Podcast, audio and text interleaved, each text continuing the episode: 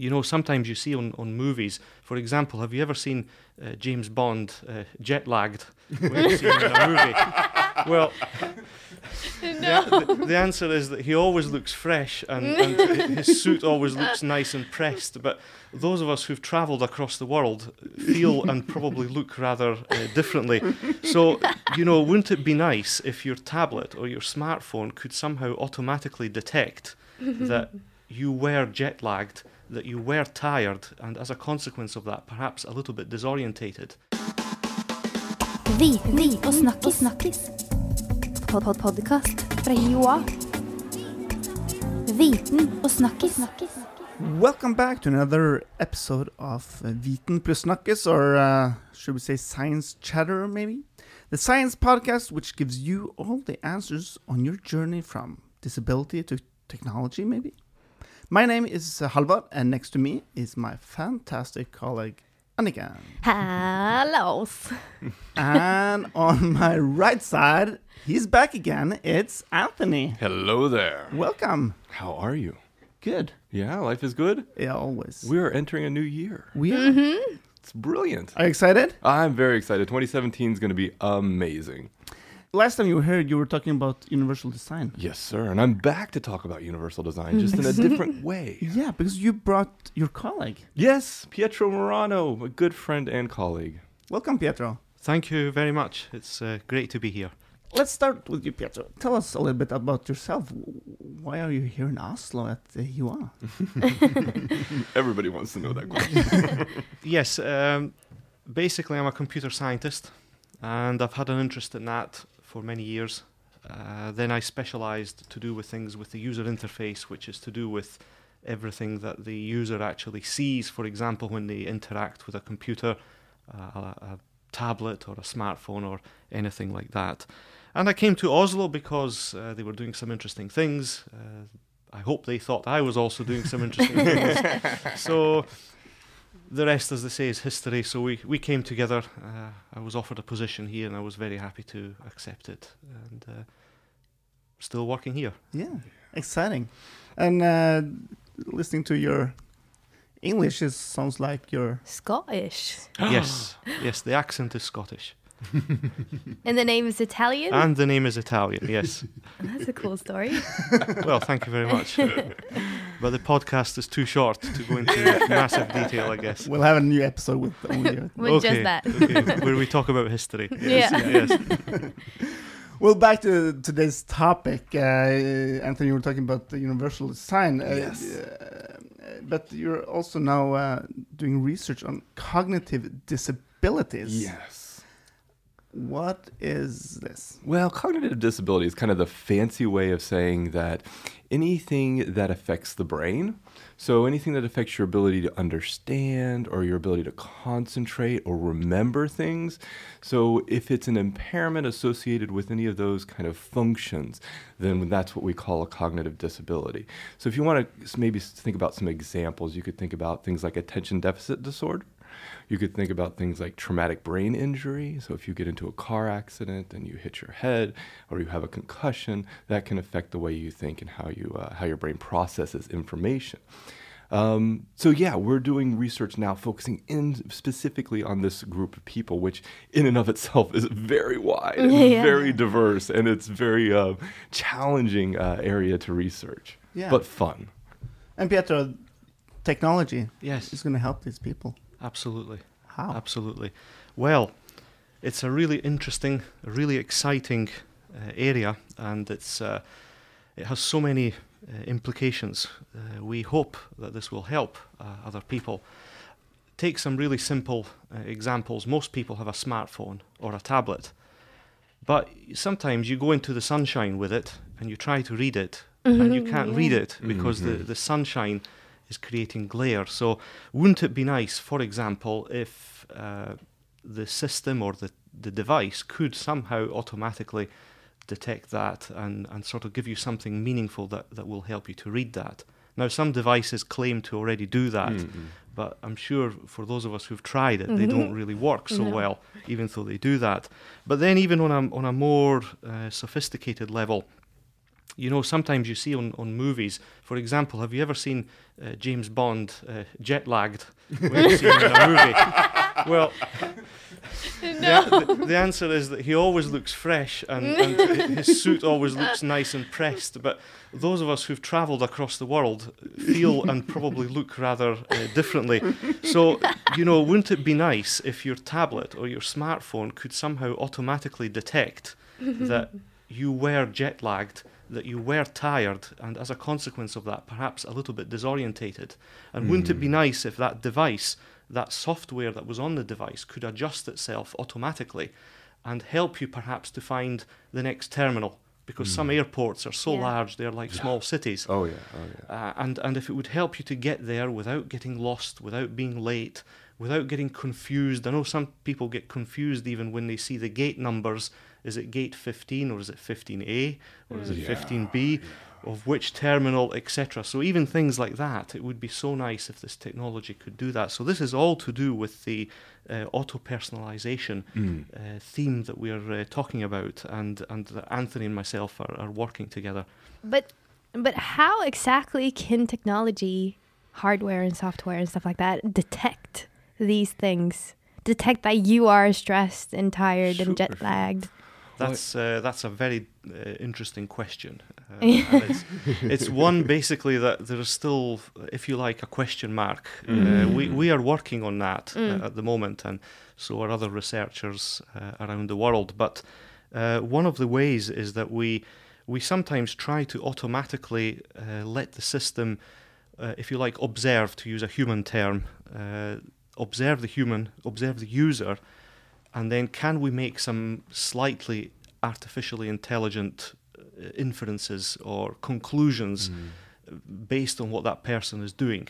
Mm. And and then we can perhaps try to adjust the if you like the device the way the device works the way the software will sort of give information to the user And that's an important part of the, the study that we're doing is that we're not trying to do something super specialized that you can only use in a lab that can only be done kind of in a medical setting. We want to do we want to create some technology or we want to base this on technology that everybody kind of already has. And of course, your smartphone is has uh, over a dozen sensors in it, embedded in it. So there's a ton of data that is collecting all the time. So we want to be able to harness the power of those sensors, the power of that data, and use it for something, as Pietro described, that would personalize the experience for the user. Does that make sense? Yeah. Yeah. Okay. and at the same time as well we want to try and be careful that this technology isn't intrusive Yeah. yeah. a Yeah, lot of yeah, people yeah. are afraid of of the intrusion Exactly. and the privacy of such things. So we need to be aware uh, of these aspects, which are, are very important for people if we want them to be embraced. Yeah, and a, an important note is uh, to make is that these this is the ideal. This is what we where we hope to be maybe in 10 years or 15 years. Right now we're still very foundational level research. So we're just trying to figure out if this is even possible, let alone if we can actually do it with a smartphone or if we can actually do it with a piece of technology that again everyone has. Uh, so it's very promising, it's very exciting, uh, but we still have a, a long way to go. But but are you also looking into um, putting technology on your body? Like you were talking about your smartphones and tablets, but we, we now have watches uh, with sensors, uh, Clothing. where- Yeah. clothing, and and you can put stuff on your skin. I don't know. Is this stuff you're also looking at, or are you just looking at the, those basic technology we all all everybody has gotten? Yes, uh, that is a very interesting research area as well, um, which is is uh, under development and would need to be exploited further.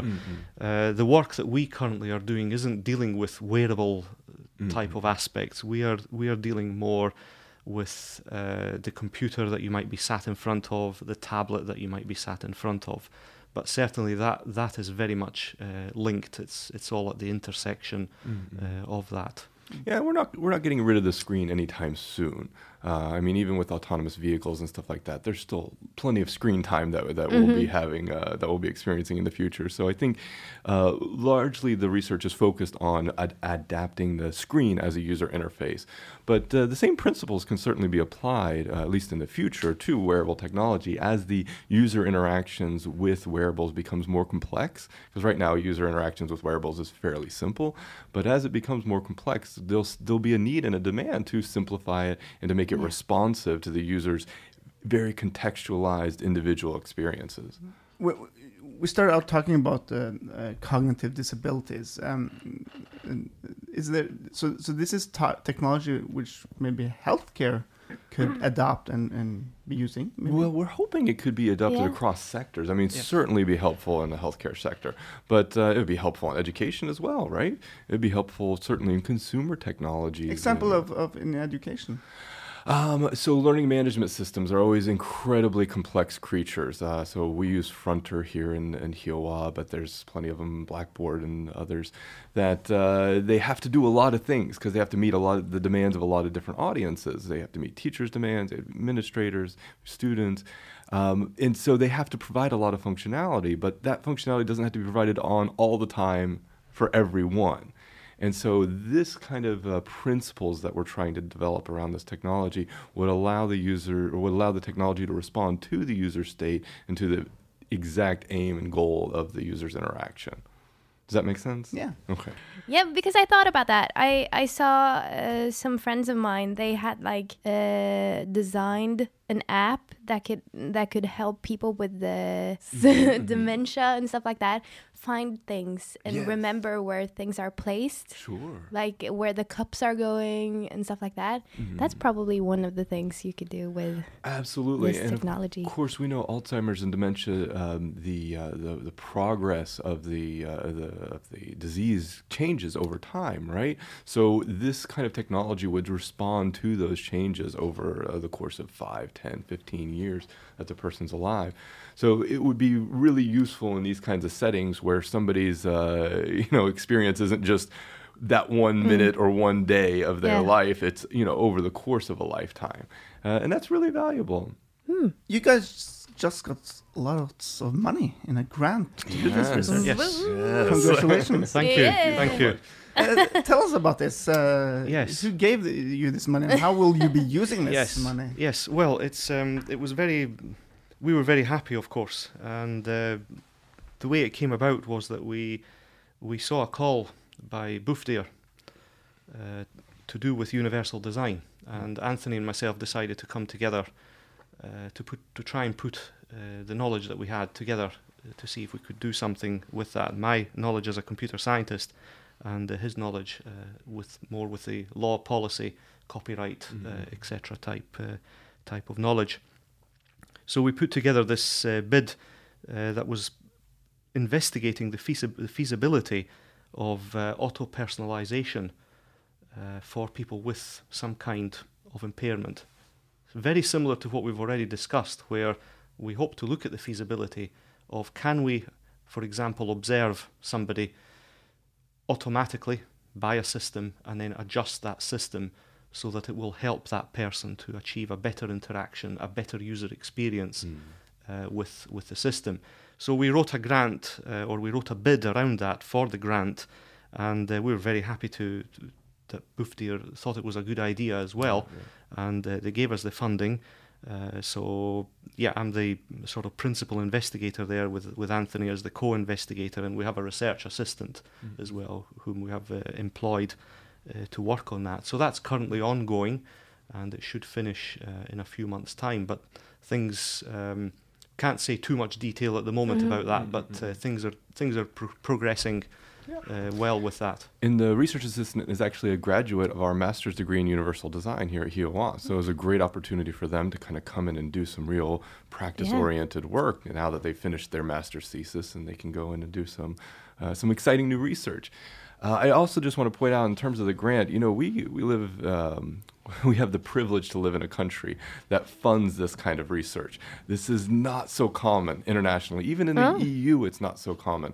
And, uh, and so I just want to point out how awesome it is that Norway, the Norwegian government, prioritizes this sort of research and that HiOA has the competence and the, uh, the ability to execute a grant like this in a, in a way that's, uh, that will hopefully change millions of lives. Yeah, and, and linked to that, of course, with the Master in Universal Design of ICT that we do have, when we get these results, uh, the plan is, of course, to feed these back into the actual course Mm. that, that we are offering so that they can see that there are real world uh, applications Yeah. uh, for for the students that come to study this uh, specialist master. Yeah, yeah, yeah. Yeah, we really try to take the work that we're doing as researchers and find ways of like, channeling it into the education that we're, we're doing as well, that we're providing as well. And so the results of this project will then form the basis of future master's thesis. So if you come to HiOA next year and you sign up for a universal design master's degree, you might be doing this exact kind of research. Wow. With you guys. Yes, which would be brilliant. it would be great. But I, I read somewhere you had like you were cooperating with the with the university in Mozambique. Or? Yes, well, that's a separate project, actually. Oh, it is. Yeah. we can save that one for another day. Okay. but uh, as a teaser, that's really great. We have Yeah. a very brilliant new project coming up that will involve universal design of ICT and a university in Mozambique. Uh, and That's this so just cool. yes, this is going to be really thrilling. You guys are busy. yeah. Very, We, very we, busy. uh, we juggle quite a few balls. Yeah. Yes, but I, I have to ask, uh, how is your everyday life when you get this grant and you're doing this exciting stuff? Uh, like, are you sitting just ri- uh, reading papers, or are, is this, this hands-on work? Do you have a, a, a keyboard and you're sitting there with programming and making stuff? How is the research daily uh, uh, going on? Yes, I think like Anthony said, we we as uh, academics are juggling a lot of Mhm, areas. mhm, So yes, we are doing research, uh, we are managing projects, we are managing master students, uh, we are supervising. Uh, I have PhD students as well that I supervise. Uh, we are also teaching. We are Mhm. perhaps designing new courses or modifying existing Mm, mm, courses. mm, mm. So it involves uh, supervision of, of it could be anything from 50 to 300 students yeah. at uh, undergraduate level. Mm. So we are sort of juggling all of these things, and and and it's we try to be as organized as possible with our time uh, to try and do all of these things. Then you have, of course, meetings to attend as uh, as, as faculty members. So it's uh, it's a very busy busy life. Yeah. I think the day to day of it is, is far more social than what people uh, think or expect. I think this this image of researchers as this scientist in the lab cloak coat by themselves, you know, hovering over a Bunsen burner, this doesn't exist anymore. Maybe it existed 200 years ago, but Yeah. certainly now the research that we do is highly networked, highly integrated with other uh, disciplines, with other people, with other countries, and so it's uh, yeah, it is, is, is as Pietro describes a, a lot of uh, juggling a lot of balls, a lot of responsibilities, but then also uh, a lot of relationships and working with students, Yeah. working with other faculty members, and that can be hugely challenging because a lot of PhD programs don't train you for that. they train you to think scientifically, Yeah, but they don't train you to be nice. and it's time Oh. consuming as well. yes, it's, yeah, it's, it's, terribly it's very time- time consuming. But when you get home, do you do like like Einstein? He played a lot of violin to get like the brain going to think about space and time and stuff like that. What is home? What does that mean? Oh, okay, you really have to love your field of research. Well, I guess I guess. you you certainly can find work life balance. I'm not a good example of that, but I know there are a lot of people who have managed to kind of shut off after they get home. Yeah. I have had to institute a rule this year that I don't check my email after seven o'clock. So after Ah. seven p.m., that's it for me. But that's Uh, good. Yes, it's I haven't I haven't been successful at doing that yet, but I've made the, the, the commitment. 2017. yes, or Yeah. 18. Hmm.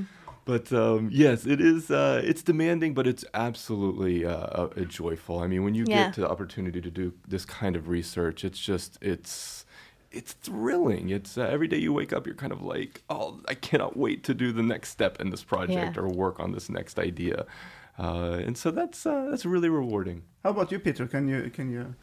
Is this stuff you're just thinking about all the time? Because you're so engaged in it, or can you like put it away uh, in the weekends and uh, do something else?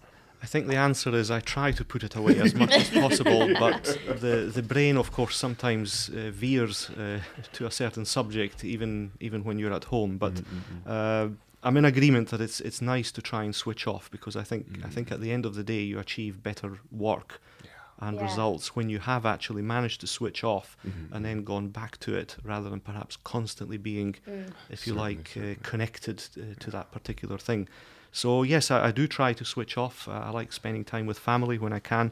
So obviously that switches off because most are not so interested to hear about my day-to-day work, although some are, and, and then of course the brain sort of goes back to it. Um, yes, and just everyday kinds of activities. Very happy to do that. I enjoy nature. I enjoy cooking, for example. So these are all things that, that sort of take the brain away from that thing and, and help one to uh, to regenerate a little bit. Yeah, I'm the cook in my house as well, and that's uh, it's a relief to get home, and even if it's just 15 minutes in the kitchen to kind of decompress, and then you have a nice meal at the end of the day. which is Yeah. great. Yeah. It's a bit like therapy, like chopping things and very Stirring. therapeutic, and uh, it's so sensor. It's uh, such a sensory kind of experience. So uh, it's not just kind of looking at a screen and typing. You're smelling, you're seeing. You're that's all the senses it gauges. So it's very very nice. But what about the future? Mm. What's the future plan What's now? the next steps? yeah. Well, we're Yeah. going to wrap this project in a couple of months. Uh, and then, like we said, we want to spin it off into a few master's uh, thesis topics. Uh, but of course, the next stage in any grant is finding more funding. Yeah. Uh, so we really want to take this as an idea, as a kind of a test case, and build it into something even better.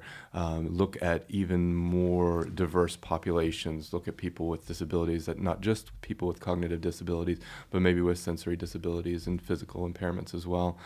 Um, so we really want to kind of continue to develop the the, the, the project and, and hopefully see it put into practice, put into an actual consumer level product.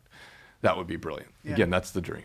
How is my smartphone in five years? How have the two guys influenced uh, my smartphone? Yeah, that's a very interesting question. Again, I think um, predictions in this area are always extremely difficult. Yeah. Uh, I think I think manufacturers will continue to make changes uh, to their devices uh, and, and to the software.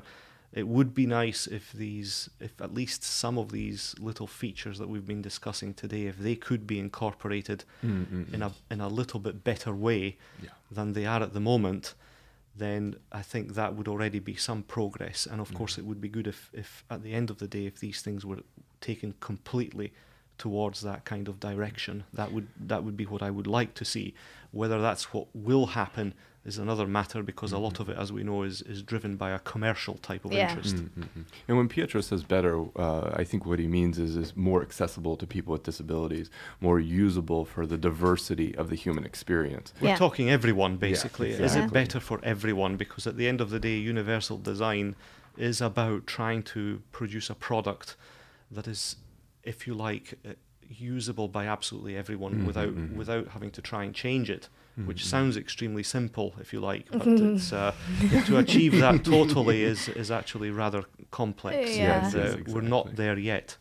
And what what it doesn't mean is a generic solution that is just kind of vanilla, bland, doesn't really work for anyone. What we mean is kind of the work that we're doing is this hyper uh, personalization to the point where it's one to one user interface. It's a one size fits one.